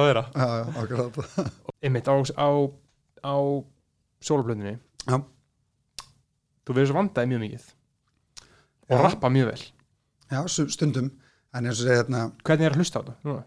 ég geri það eiginlega ekki, sko. Hérna, ég hef kannski gefið út 100 lög og mér er kannski ánæða með, veist max 10, sko. Nú ok, mér, þetta var hérna eins og segja, þetta er svolítið bast sinns, tíma, en hérna það er samt sko, þú veist skun, Það er skun, mikið af þessu er náttúrulega bara eins og ef þú myndir lesa dagbókinu einu sem voru 17 þá þetta er svona já. krinsar svolítið mikið yfir sjálfið þér. Já það en, en, en, en, en eins og lög sko, eins og skundaskakkur og núðlusúpa og móða og eitthvað. Þetta, er veistla Já, sko. Það er alveg eitthvað sem er, eitthvað sem er alveg fínt sko. og ég, ég sérstaklega þarna uh, þarna takeover samplið. Hvað heit það, Fra, franska Le Roy de la Montagne. Já, Le Roy de la. Hva, hvaðan kemur það, eitthvað, eitthvað franskt sampl já, hérna, neða, bara gaur sem íst, íslensk franskur rappari sem er Taktorov sem var Já, ok. að tala. Já, ok. Og hvað þetta er Disla og Potrix. Já. Já, hvað, hvað, er, hvað er ÖB? það var hérna öryggibandalagi sem er lélasta Já. nafn á rappkrúi ever. Sem var Bendur Sigurberg bæðins bestu og afkomingu hana og þetta var þá ykkar krú það var svona, eitthvað svona okkar krú, já Bent og Sjöberg bæjarins bestu En þetta var náttúrulega svolítið þessum tíma sem að svona byrjaði svona battlkeppnir út um Já. allt og svona allir voru eitthvað frístala og battla Já. og svona. Skilju, þannig að það maður reyndi alveg miklum tíma í það, svona eitthvað, eitthvað svona eitthvað sæfa feeling, já, tók þátt í einni svona battlkeppni Mhm. þarna nýra á Gaugustöng tapaði svo fyrir Elvari. Man ekki hvort ég, ég held ég hef unnið eitthvað eitt fyrst, manna ekki. Mhm. svo tapaði mútið Elvari. Hann var líka langt bestur sko, en sko bæjarins bestu þá er að tala um hann var ammæli í dag. Já, til hann ekki um daginn. Við setjum við ykkur hann fögnum honum. En þarna afgæmi guðuna Já. getur þú nafngrind þá? Það eru Stjáni og Elvar. Já, Stjáni- það er, er Stjáni- Stjáni- Elvar. Stjáni. Stjáni heiti Miskilin og Elvar, Já, einmitt og, og, og svo var Guðli Dregin heitinn. Einmitt, ok, Já. og bæjarins bestur Dóri Díana og Danny Deluxe. Og Kerry Kammerfloss sem er núna svona íþrótta fréttamaður einhver. Kájóð Hvernig, hvernig var þetta, voru þið að deila stúdíu eða? Já, uh, svona mikið uh, ekki alveg allir, en jú við vorum hérna saman tv- tvö stúdíó sem vorum í fyrst Já. vorum við í Ármálunum í stúdíó sem heit Múlan svo Mhm. vorum við út á Nesi í stúdíó sem heit Tivoli Já og mér, finnst þetta svo hérna platan sem að að intro gáð sem heit Tivoli Tivoli. Chillout Já, emmitt það voru komnir, svona, veist, svo tóku einhverjir aðrir við stúdíónu þau fórum úr því og svona, getur vel verið að það sé ennþá nægstar Mhm. einhver, og einhver tíunda kynnslóðan af að Tivoli á sem þú rappar á. Já, það er það ekki? Það getur vel verið, Já, við vinnum það sko. Uh, Herru, þarna núna hljótið við að vera allan hálna Já, já, já. Hvað hva, hva lag? Hvað hva er besta rappla alltaf tíma fyrir þér? ég, já, hvað, veit ég, sko, mér langar svo lítið til að velja bara eitthvað af, veist, Ilmerek eða eitthvað. Mm Þannig að er jákað að velja Kendrick Lamar, ok, Swimming Pools. Alright uh, lengri útgáfuna? Eru tvær lengdir nei, sko, ég man bara, já, það er extended version og, og, og singulið, sko. Já, ok, með, með setna versinu hana, hana, hana, hana, í extended. Já, ég man ekki alveg að vilja þú. Jack Másu, Spil, spilum bara extended. Þú ert að hlusta á kraftbyrtingar hljóm Guðdónsins og þessi þáttur er í bóði hambúrgara staðarins Júsú á hverfiskötu 40 og 4 frábæri borgarar, frábær stemming, frábær tónlist allt sem þú þart, endilega gera eitthvað ferð á hverfiskötu 40 og 4 á Júsú. Já, það verður komið áttur Já, velkomin aftur hingað í stúdióið Þetta var með lagið Swimming Pools Drank heldur betur, þarna, og þetta er þinn kraftbyrtingar hljóm Guðdónsins Já, ég ætlaði ekki. Mér finnst það mjög skemmtilegt lag sko. Þetta er hérna, uh, þetta er svolítið eins og ég hef verið að gera svolítið í lögum sem er að búa til uh, jam party lag Já, sem er samt einhvern veginn, ef þú rínir í textan bara verið að tala um svolítið svona skuggar liðar Já, já. jamsins. En samt gera það einhvern veginn á svona hressan og grípandi hátan að fólk geti samt einhvern veginn verið að dilla sig það. mm þú, þú hefur sagt aður að, að menn get ekki bara að rappa endur sem djam eða rappa ekki niðurtúrin Já, já, akkurat. Man reynir að hafa það svolítið með, man reynir að fegra, fegra ekki of mikið, Nei, skilju. Þannig hérna, en auðvitað er jam snill, sko. djam er snild en það er ekki, veist, en það hefur samt tvær hliðar. Það eru tvær hliðar, sko Það eru tvær hliðar og þarna og þú hefur, hefur alltaf verið móttækilegur við nýju nýju rappiða alveg bara, þú veist með, með, með þessi nýja kynnslóð sem kom með Kendrick, skilur Fílar það, Drake Kendrick og J. Cole og Drake og Já, alltaf sem hverja týri í Black Hippie mjög, mjög miklu uppaldi. Já, Já. segja, ég hlusta ég alltaf bara á glænýtt rap. Já, Vola lítið sem ég fer eitthvað aftur í fortíðina. mm -hmm. hlustar ekkert á 90s rappi í dag, eða? Nei, eiginlega ekki. Ok Hlusta bara 2020 rap. en eins og þarna í þinni eigin uh, já, þú er náttúrulega líka þró, þú er líka alltaf bara að rappa á bítum, nýlegum bítum líka Já, fannst, fannst ég það ekki erfitt það? nei, nei, veist, en það er svona eins og ef maður var að rap í dag, það er svolítið erfitt að finna finna þetta jafnvægi á milli, veist, þú vilt ekki ofur mikið vera að elda einhver trends. Já, veist, það er eiginlega bara svona hallarslegt þegar veist, einhver, eins og Busta Rhymes er bara að reyna að flóa eins og þau gerir í dag og, Mhm. og veist, þú vilt einhvern veginn halda þínu, þínu samdi en samt vera veist, aðeins þróast með tímunum akkurat. Þannig að verður eiginlega að finna svona jafnvægið milli þess að vera með þitt gamla klassiska sound og Mhm. samt hljóma eins og árið 2020 Hvað finnst þér vera þitt? Hvað finnst þér sem að, þú veist, svona þín fullkomni hlustandi, hver er hann? bara, bara þínu menn, skilur Gaurið sem fílaði mest, þú lítir á svona skinja típuna það er einhverjir, einhverjir hlýrubólum í geflaði sem dyrka gemmir En, en, en, en svona alvöru aðdándunis það eru einhverjir hlýrubólum í geflaði Er ekki, ekki tala neður þeirra. Nei, nei, auðvitað ekki, auðvitað ekki, sko. En ég er meira að tala um svona, veist, sem að fíla önnulögum gemjar Ég veit ekki, maður er einhvern veginn ég er alltaf volað þakkláttu fyrir þegar einhver einhver er- neynir að tjekka á þessu. Og líka, veist, oft er maður oft er maður að gera svona eitthvað svona, eitthvað, svona er svona hálf flókna hluti einhvern veginn, eitthvað, já, og þetta hérna spiklast að þetta og, og svo maður ekki hvaða náttúrulega enginn eftir að taka þessu, en svo gerast það að maður rekst á einhvern gaur á djamminu sem er alveg, hei, þetta var gett, þú gerir þetta og þarna, Já. þá maður ekki, wow, það er alveg liðan úti sem er að spá í þessu. Mhm. það er alveg, er alveg fólk úti sem er að svona aktivlega að hlusta. Mhm. sem er cool, sko, alltaf, alltaf það þér vera í næsta lífi, finnst mér örgulega Í besta næsta lífi Já, já Ég er eiginlega sammála, sko mhm. Hvernig, hvernig gerist það? Hvað, hvaðan kom það? Uh, þá ertu voða mikið, þú veist, að rappa um djammið, báðar hliðar, skilur Já, það veist, Einmitt. Já, hérna uh, Já, með þetta kom eiginlega bara svolítið út frá einhvern veginn veist, að bara þegar, þegar næst ekki í þetta átti að vera svona veginn í í símunum ekki, og það næst ekki í þennan í augnumblíkinu, skilu þá bara kannar að svo fara hana bara næst ekki í hann í augnumblíkinu mhm, einhvern veginn byrjaði bara með einhverju þannig pælingu og svo einhvern veginn fekk, fekk maður bara bíti í á Lula og byrjaði að rauðlega það svo kom þetta fósbræðarsamplinn mhm, and rest is history.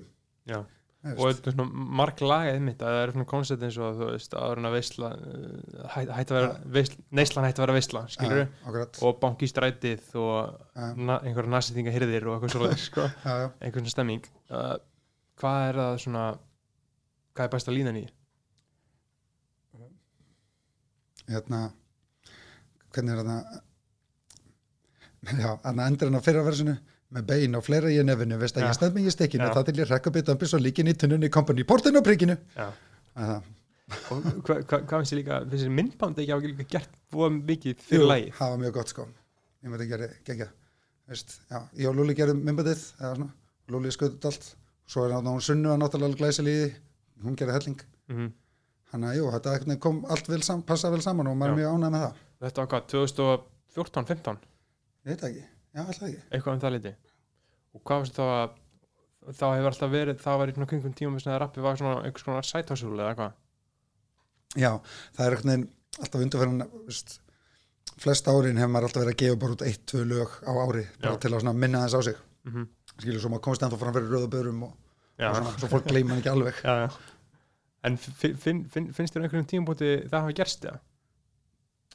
Já, hérna, veist, mann finnst eins og að maður hafi svolítið dottið út úr svona sviðsljósunum í eitthvað, eitthvað smá tíma, eitthvað veist, eitthvað neginn, svona áður, svona mitt á milli þess að vera svona eitthvað neginn ungur og nýr Mm og svona áður að vera eitthvað neginn svona eitthvað eldri, já, eldri legend eitthvað, og þið, þá lendur í eitthvað svona milli, millibils ástandi. já, já, auðvitað. Það er náttúrulega erfitt fyrir ykkur að verða einhver eldri legend að þið eru fyrstir til að vera. Já, en mann er samt ekki veist, alveg, það er náttúrulega hérna, veist, Subta, meina, 7 og Maxi er ennþá alveg að gera, gera músík Mhm. á fullu, 7 var bara að gefa, veist, í fyrra og hún, Mhm. þau náttúrulega störtu þessu svolítið mikið með þetta Central Magnetism, mm -hmm. þannig að, veist, The Old Guard er alveg ennþá við fullu, sko, Já, já. veist, Úlfur, Úlfur og, og Görnir í skittunum, ég veit ekki hversu mikið þeir eru að gera hendar, Mhm. og hérna, og Subta krakknir og allir, það er veginn allir, svona flestir ennþá að. já, já. og hva, hvað finnst þér um það svona, það konsept að að þú getur ekki verið góð rappar og gamall. Já, akkurat, það er náttúrulega þetta er svo Mark Wahlberg sagði, hann spurður ekki af hverju hann var ekki ennþá að rappa, þá sagði hann að rap is a young man's game. Hérna, og það er náttúrulega svolítið satt sko. en, veist, en maður eiginlega svo Run the Jewels eiginlega finnst mér, þeir eru einu görður sem að fatta hvernig er að eldast gracefully í rappi. Já, hvernig er hægt að vera veist, töff og nútímulegur á þess að vera of mikið að rembast við að elda tísku krakkana. Mm veist, og mér þeir einhvern veginn hafa nelt þetta fullkomlega. Þannig að, veist, þannig að ef að rottalir eða þegar rottalir fyrir að gera eitthvað aftur og reynum að taka þá okkur svolítið til fyrirmyndar og reyna svona, vera, gera svolítið eins og þeir. Hafa einhvern mann eh, eins og tölum þetta svona, að hafa eldst gracefully, skilur og gert það eins og Jay-Z, Já, hann hefur alveg brent sig skilur, þú hann hefur alveg gefið út eitthvað svona aðeins klúður að reynda alltaf sándið og mikið, skilur en, samt, en síðan kemur hann tilbaka eins og bara með 444, skilur fílar það? já, veist, hérna, já, líka plötuna sem við gerum daginn með JL Electronica. Já, það er epic maður, það er fór hérna, en já, hann er alltaf verið góður sko, veist, það verið meira svona eins og góður bara eins og Fat Joe Já. og Busta Rhymes og, og svona sem var svolítið verið svona of mikið að reyna já, veist, hljómið svo Migos eða eitthvað. Veist, Já, svona- þeir eru augljóslega eru 100 ára gamlir og eiga bara veist, svo er líka alveg hægt að bara s- vera bara að spila fyrir jafnöldra sína og þeir vilja, minna, liðu mínum aldrei það, þeim finnst að bara rappi dag vera alveg orðið alveg fárulegt og vil bara hafa, hafa þetta eins og rappi sem það ólst upp með. Mhm. þannig að maður reynir einhvern veginn að veist, en maður er ekki heldur ekki alveg til í það sko. það er svona eins og til dæmis atmosfér Já, þeir eru bara með, með sitt nýs það sem hann rappa bara á sinn hátt bara fyrir rauninni fólki sem er bara elst upp með honum og er núna, veist, orðið. Er- fært eða eitthvað er hann ennþá virkur eða? já, atmosfér og slögg er alltaf að gera eitthvað Mhm. En líður eins og uh, þið hafi gert einhver mistöka eitthvað eins og, þú veist, eitthvað svona fat Joe svíringar, skilur já, já, það er endalust að veist, hittir ekki alltaf allt í mark Já. Eh, hellinga lögum sem maður hefði átt að gera aðeins öðruvísi eða eitthvað svona, eitthvað sem að hjálta er vinsalt og var svo ekki vinsalt já. og, allt svoleiðis, meina auðvitað það er bara par, partur af leiknum já, En ertu með eitthvað dæmið það? já, hérna, og ég lagi mitt sló til þess ekki í gegn Já, ég, er, ég, ég gekk bara einhvern veginn oflánt í að vera einhvern veginn súpilegur í einhvern veginn það, það er síðasta lagi sem hann gafst út já, ég fór í fílu eftir þetta, engin fílaði lagi þannig ég fór Já. í fílu, fór hei, tók boltamenn og fór heim en svo líka En, hérna, en hvernig er það? Fílaði þú það sjálfur? Já, fíla alveg margt við það sko. Veist, eins og núna þegar maður því að fíla eiginlega meira bara að vídeoið af mér, það er vídeo af mér það, er það sem er rappaði í Kronik Já, ég fíla það eiginlega meira en já, minnbæðið já það sem rappaði lagi sjálft í Kronik já, tók bara svona live. Það, þá finnst maður að virka eiginlega bara betur. Já, en hérna maður hætti svona eiginlega að rappa að, hérna, Tiny gaf eit lag sem er óöflýst oh stakamál my god, svo fucking gott maður. Og ég sagði bara, herði, ef þetta lag verður ekki vinsælt þá Já. bara, þá eigið ekki Já. gott skilið. Þá Já. er þetta bara perlu fyrir svín Já. og til, til hvers sem er að rappa ef, að, að, ef þið allir bara hunsa svo lagan svo þetta. Og það, og það var líka bara basically bara hunsað og engi, öllum var alveg bara sama og veist, þannig var bara eitthvað til hvers sem ættum að þá vera að vanda sig að veist, þið tekja ekki marka eða kemur eitthvað gott. En það þarf náttúrulega líka skilur fólk þarf að vita af því sko. Ég, ég, Já, hann hefur svo sem alveg getað pluggað þess betur. Já, já, þú veist. En ég, ég hef einmitt verið mikill talsmaður þessa lag sko. Já, gott, opna skápin, ADHD hverju var ég að leita skilur þetta er rosalegt lag sko. Ekki ekki prodúsaði Banger Boy. Banga boy. Sittum við eitthvað hann. Já, tæni maður. En já, þú gafst út Oi. Og í fílu fórst í fílu en, en þú veist hvað hva, hva gerist þar skilur? Af, af, af, af hverju heldur að það hafi ekki hitt eins og all hinn lögin hafi gert?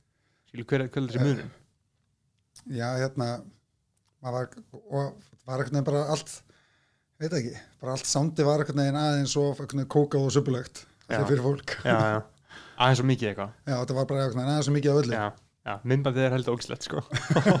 Eins og, og að Þú veist, ég bara tekið um shit á einu tímbrúti í meðbæðinu sko. já, en þú veist, hefur ekkert verið að semja um síðan þá eða? Já, maður er alltaf eitthvað, veist, eins og ég alltaf því upp samilög þetta er eiginlega allt bara svona einhvern veginn bland af bara svona einhverjum voice messages og einhverjum svona notes Mhm. sem veist maður er veginn stanslust bara að skrifa eitthvað svolítið hjá sér þannig að þegar kemur það að gera lag þá er maður á maður lag, lagar af einhverjum einhverjum svona litlum hugmyndum og einhverjum bútum Mm. á textum og, sem að púsla saman þannig að maður er alltaf veginn að dreyti í þannig þannig Mhm. að bara þegar kemur að því að gera eitthvað þá hérna, þú veist, þá er maður alltaf með eitthvað lagar af hugmyndum og, og Mhm. textabrótum og það gerist bara þegar að svo maður leika gert, ég hérna gerði eitt lag með hann K.O.K. svo gerði ég eitt lag með um sig Gauta Stormur já, já, svona, að það, er á Vaka Velta ekki? Jú, jú, Já.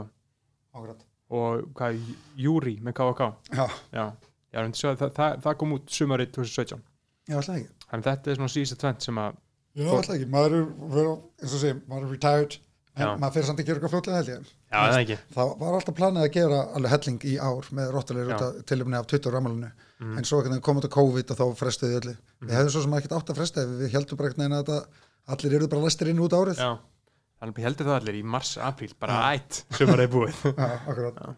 Svo ekkert neginn verðist alltaf að vera gott að blessa það er hérna á Íslandi eins og er. þú eru ekki bara að gera þessi plön næsta sumar eða? Jú, þá er náttúrulega 20 ára málið plötunar, þannig að svo sem ok, virkar líka. það virkar líka og hver, hver er þessi plön, máttu segja frá því að Það var bara stóri tónleikar í Reykjavík, einhver túr um landið og, Mhm. og svona, einhver fyndin heimildamind og, og eitthvað svona gott flip. mm. en heldur að þið, þið, þið gerir aldrei plötu aftur þú, þú hefur sagt það Já, hérna, veist, mann fannst platan alltaf vera bara svolítið búið, þetta snýrst bara um að henda út, einhver, henda út einhverjum singlum. en samt Svo er það eiginlega búið að breytast núna, sko.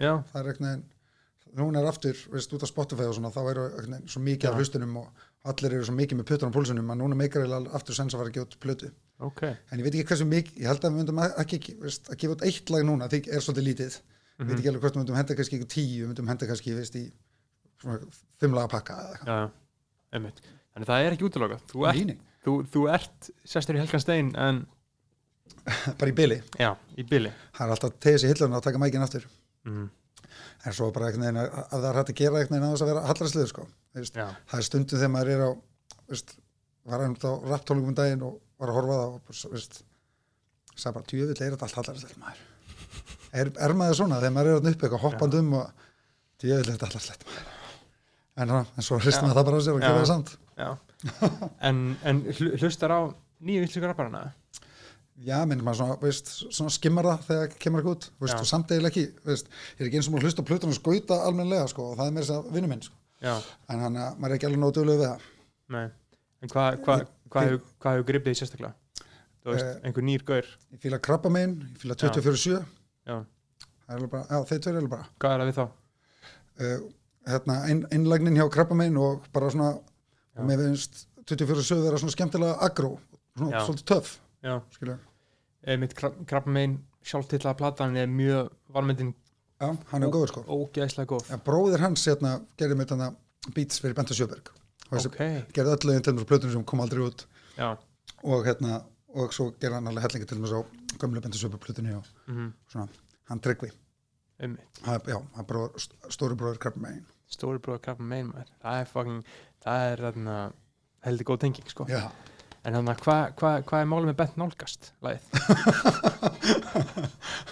hvað er málið með það? Já, Sko, hérna, upprænlega held ég að það átti að vera einhver featuring hérna, einhver weirdo sem heitir Addi Vocab og var alltaf að rappa með Jón Magnús eitthvað, hann átti að vera featuring í læginu og hætti þú síðu stundu sem var bara mjög, gott svona eftir að já, að, að ég eigi bara allægið veist, og nafnið kom bara þegar lægið var tilbúið. Mhm. veist, og stakk stak Sjöberg bara upp á og það kemur eitthvað smaka penn er eitthvað svona brú, brú lægið átti aldrei að heita það sko. En, hérna, en svo kom það uh, var það líka fínt að láta heita það þetta. það stimplar mann svolítið inn mhm, veist, það reyna þetta saman og þegar við gerum þetta stindan okkar. Þá sagði ég að mér fannst, finnst mikilvægt að hafa nafnið nafnið að stinda í titlinum. Og við, værum, við vorum að gera þetta til að branda hann. Já, og bara ef, að plata, ef, þetta, ef þetta heiti bara eitthvað, svona flipkerfið. Skilju, þá hérna, hefði við ekki nógu mikið verið að branda hann sjálfan sko, sem, við vilja gera, eins og, eins, og, og, sem er eitthvað sem ég lærði af, af Bent Nálgast að það hjálpaði svona mér persónlega svo skjótast upp á stjórnu heiminin út af því að lægið heitir sama nafni annars hefði, veist, annars þetta bara heitið eitthvað með rottalir og enginn hefði vitað og þá stæði ég ennþá í rauðangstar en núna fer ég fram með þér svo er einhver deyra verið svo lustur á þessu bara ok, núna fer þið aldrei aftur fram fyrir og trókvöldur og umlur En já, bent, bent nálgast, er ekki einhver aðna, eh, hef ég ekki heyrt eitthvað að þú performar það ekki og hata það eitthvað? En það er bara eitthvað bullshit. já, við það ekki, sko, mér þetta Akkur ekki? hérna, mér finnst það bara einhvern veginn ekki veist, þetta er svona lag sem að fólk heldur að, að það ósla, svo heyrið það á tónleikum og drepa bara niður rætta stemmingu við erum búin að byggja upp svo mikið momentum af veginn svona, Mhm. og það bara drepa það svolítið. Það líka er svolítið miklu leit út af því að við eigum ekki almennilega instrumentalina af neinum þessu lögum. Ok. sko Lulli gerði bítinn á impulstrakkar sem er sko forrið sem er minnin megabæt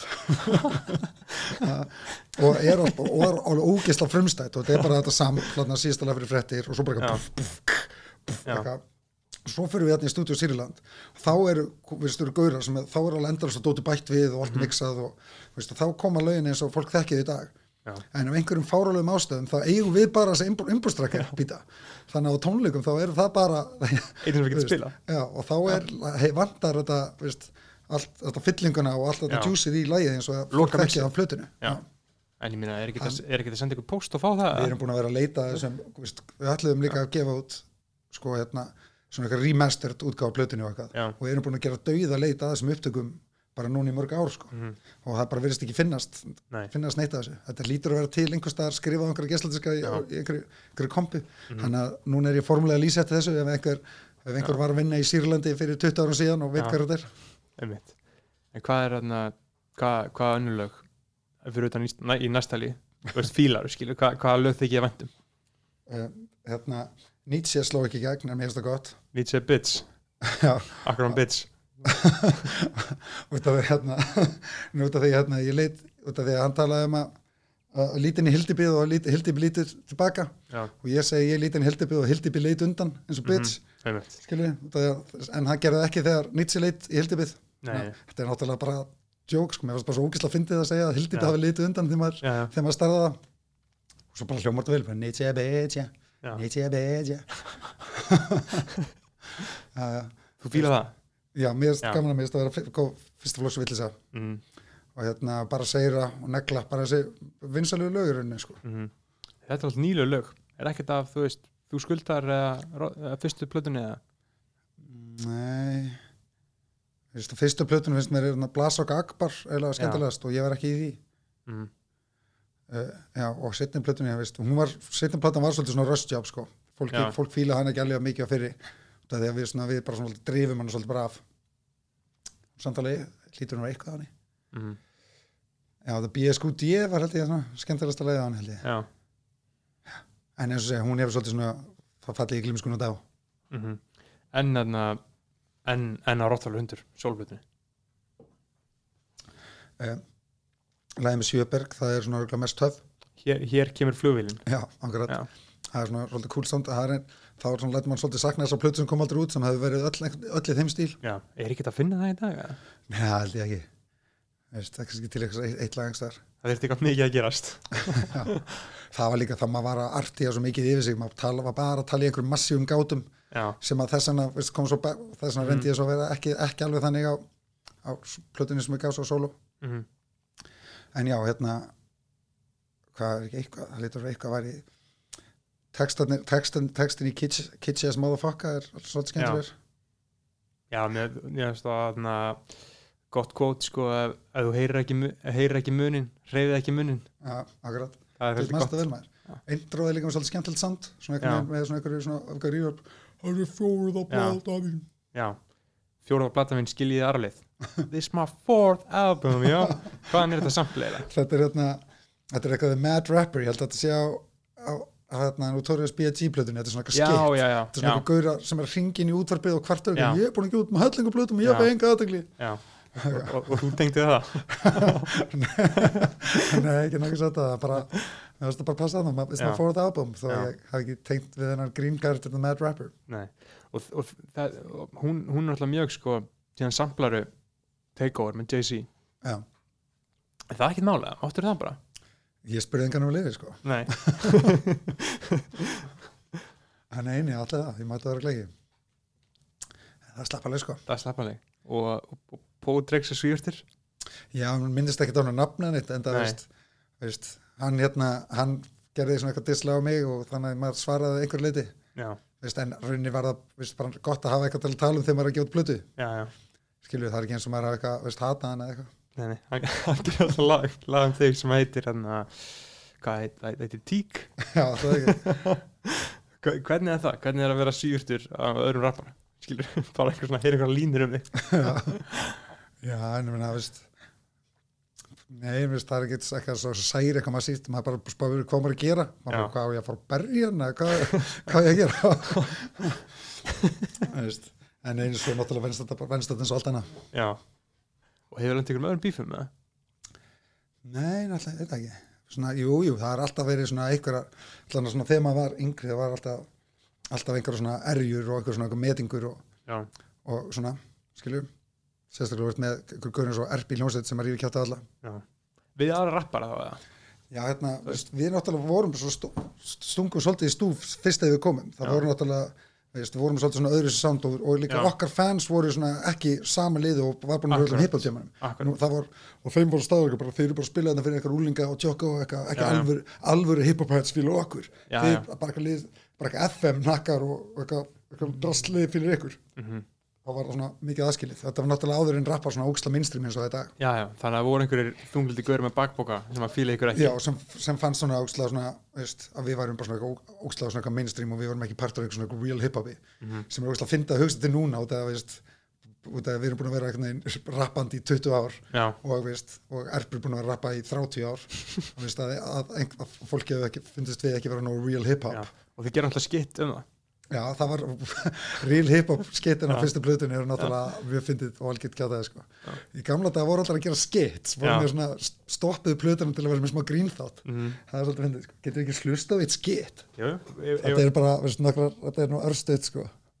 Sko, ég skal finna hérna XXX uh, Rottweiler hundar skittið af, sko, Já, það var tvö held ég, held að það var real hip-hop Já. 1 og 2 Yo, what's up, yo? I'm straight up bringing hip hop back like Tupac in a Cadillac.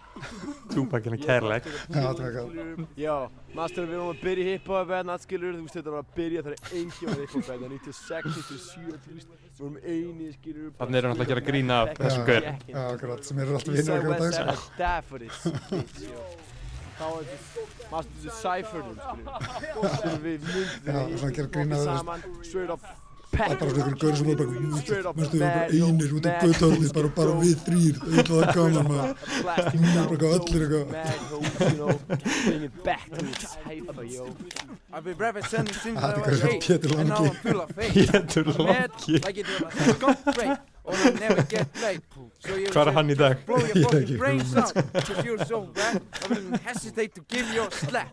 Because I write battle rap, I heard you feel fucking pussy as pop while I'm strictly hip hop. ok, ég held að við You must be hanging out the top shop. Hanging out the top shop Og slag gott Pétur Langi Já, það er legend með gott skitt af það Eru margir svona gaurar sem voru í þessar senu núna sem að þú veist ekkert hvað gerast hvað er þeir í dag? Ég held að þess, þessi var nú ekkert partur af einhver svona senu, þetta var bara svona vinur, vinur, vinur okkar, aðalega vinur hans þarna Eika DJ Gummo Já, sem að bara fengum til að gera það til að rappa í þessu skýttu, það Já. var með eitthvað svona með eitthvað svona djók lélegt rap sem hann Já. tók stundum í partíum Pétur Langi Já, þetta var svolítið svona djúlega að finna stemning að vera þarna að vera eitthvað, vilja vera þrýr úti Einmitt. Já, eins og ég segi, núna er náttúrulega allir vanir þetta sé bara alveg út um allt. Bara hver einasti maður hlustar á rap og er alveg bara frekar svona, vel að sér í því mér þess að nú þarf það náttúrulega ekki að vera áskrifand og sors og, og leggja ógislega mikið á þig til að vita hvað um rap og þetta er bara út af allstaðar í kringu skilur, og núna getur getur ekki farið neitt að þess að heyra okkar rappara rappum fatamerkin sín, uppbóls fatamerkin sín. Og peningana sína. Þannig að sko, en hvernig þannig að þú ert góður í íslensku Já, svona alltaf leið, Hva, hvaðan kemur það? bara búin að tala alla æfi Já, læra að tala ungur.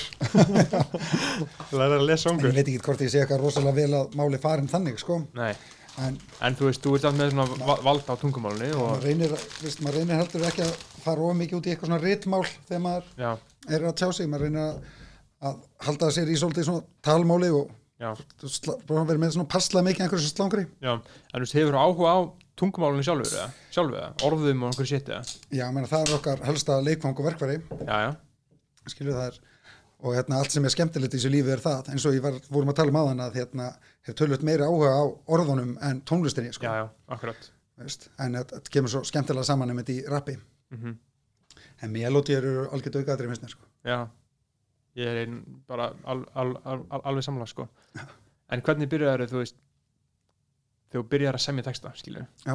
Finnst þú að hafa orðið betur og betur og betri? Finnst þú betri núna en þú varst fyrir 15 árum, skilur? sko, hérna, maður er mest kreatív bara tvítuður út af því að þú veist ekki betur þú ert ekki með veist, út af því að þú, þú eldist og lærir meira og þá verður þú alltaf svona tæknilega færari mm og þá ertu líka meðvitaður um vankantæðina Mhm. og, og hérna og þannig að þið vantar þessa barslegu þörf til að tjá þig og að ekki átta þig á því hvað þú vart að segja er stundum vittlust eða allarslegt, þú bara einhvern veginn segja það á svo mikil ástriði. Náttúrulega þegar þú ert úlingur, veist, ég hefði var, hefði verið til að slást upp á hvort verið betri túpak eða byggi þegar maður er veist, 15 -hmm. veist, í dag bara hittir maður ekki hamsi við maður verður aldrei að nenna að rífast um neitt eila maður verður eitthvað svo jaded með árunum Já, hvort er þessi betri, Tupac eða Biggie? Biggie. Já, við Hann er náttúrulega algjör sko maður fílar Tupac náttúrulega bara sem eitthvað einhverja góðsögn og íkon og góður sem að fór út á bílum sinum og skaut tværi löggur sem voru að berja svertingja en, hérna, en ég hef aldrei hlustað þannig sé áðan sko, alltaf Nei, bara hlustað að Biggie. Og Biggie náttúrulega það sem er svo fallegt við hann sko er að þetta er storytelling í rappinu sko. Um, hann er náttúrulega aðeinslegu sko, eitt svo besti allir tíma náttúrulega. Hver er finnst þið að vera best alveg tíma? Ertu með einhvern top 5 lista? en svo segi ég hlusta veist, svo lítið á gamalt stöf sko. þannig að ég veist það er ekki meika sens að gera þetta því að uppáðsarpar með núna er bara einhver er bara einhver gaur sem er búin að gefa út fimm lög sko. En ertu að hlusta á, vinsala poprappið í bandaríkinu núna? Veist, ertu að hlusta á Gunna og Lil Baby og nei, voru lítið það þekkir eiginlega bara gunna af einhverjum veist, features Já. Wayne Já, sko. og mér veist Lil Baby ekki gera neitt rosa mikið fyrir mig eitt og eitt lag sem ég reyndar alveg fíla já, en hérna, já, en veist en það er alveg tonn, við hlusta bara á nýtt rap en kannski ekki endilega sama verið í útvarpinu samt. Ekki þetta vinsala íslensk rapp ekki það ég segja mótið, mér finnst að Baby alveg skemmtilegur og svona. Já, já, veist, hann er líka með stæla sko. Hann er stæðilega sko. Drafgur í Volmart Já. Drappan gaur í Walmart- Walmart. Já. Það var bara, veist, skautgur til bana inn í Volmart búð. Já, hann átt að Volmart búðunir í bandaríkjunum er svo stórar það er bara eins og hverfi. Það er Já. bara, veist. Já. Það bara tekur alveg bara marga daga að labba í gegnum þetta Mhm. það veist, þannig að hann lendir bara í böggi bara einhverju gangi eða einhver reyndar að ræna hann eða eitthvað Mhm. og hann bara tók upp þessu drafan en eins og þarna uh, með þarna hvað er að segja, með, með þarna með íslenskuna, þú veist, Já. fíla að lesa bækur eða? Uh, já, ég gerir náttúrulega ekki jafn mikið að því og maður ætti að gera Veist, og svo mikið af þeim bóku sem maður lesa er líka á ennsku en maður finnst Já. þetta skemmtilega að lesa alltaf á íslensku og hvað er svona Hérna, helst og safna líka ljóðubókum eftir íslenska unga höfunda Já, já, fylgist með því, já. Já, eins og hægt er að fylgjast með því Já, já, maður eiginlega kaupi bara kaupið þar sem ég kemst í. Les, veit ekki hvort ég lesi mikið aðeins en ég Nei. kaupa þar allana hefðar svona, hefðar svona heima á borðinu svona ef það koma gestir. Skal sjá hvað ég á mikið á ljóðabókum. Góðu bóhem. En, og varst að lesa, þú veist, þú veist að byrja að rappa?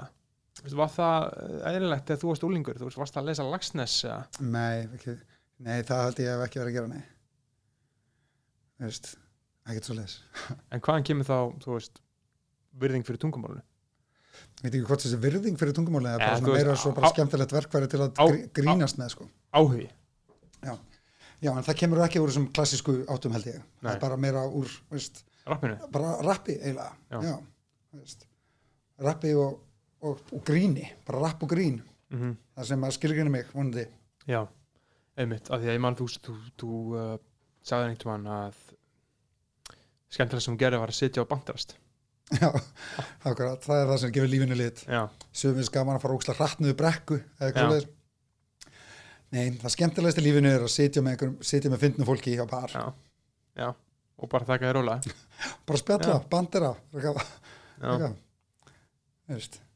vera ekki að gera grína, grína á öðrum og sjálfum sér og já, baktala passla mikið en en, en, en listsköpunin já, þegar hún er inn í líka finnst þið það bara geðað skemmtilegt já, hérna jú, að sjálfsög list er náttúrulega bara veist, það sem fólk tekur sér fyrir hendur réttur, og listur og menning mm En jú, já, mér finnst það alltaf gaman að vera að búka til, sko, sérstaklega eins og það er með vinnum mínum og það Mhm. kemur bara, helst að það kemur bara svona einhvern beina, beinu framaldi af svona einhver bandari. -hmm. En þegar maður var að mála málverk og, og svo leiðis þá fannst manni að ekki, þá var maður alltaf pyrraður þegar maður var að því, eins og einhver, veist, önugur listamæður í bíómynd. mm En hérna, en það var kannski út að maður var einn að því, veist, ég held að ég bara sé svona típa sem þau eru að hafa einhvern með mér svo þessi gaman. Ég myndi ekki neina að sitja einn einn og vera að gera podcast, sko. nei, nei, nei, nei.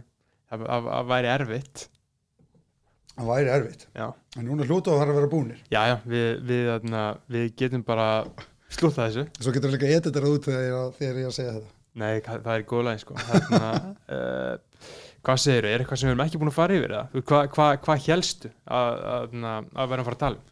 Ég bara eitthvað, eitthvað svona held ég. Sko. Ég var bara svo hrættur þegar ég googlaði, googlaði og sá að Alexander Jarl að tala í þrjá tíma. já, Það er bara eitthvað fög, sko. Ég er búið með allt sem ég var að segja bara eftir kortir, sko. já, við, við erum búin að fara yfir víðan völd sko. við erum búin að fara yfir, sko, maður sjá uh, maður sjá hvað er mér skrifa uh, hvað, þarna, hvað hefur spurningunni verið svarað hvað gerast á gammalskvöld?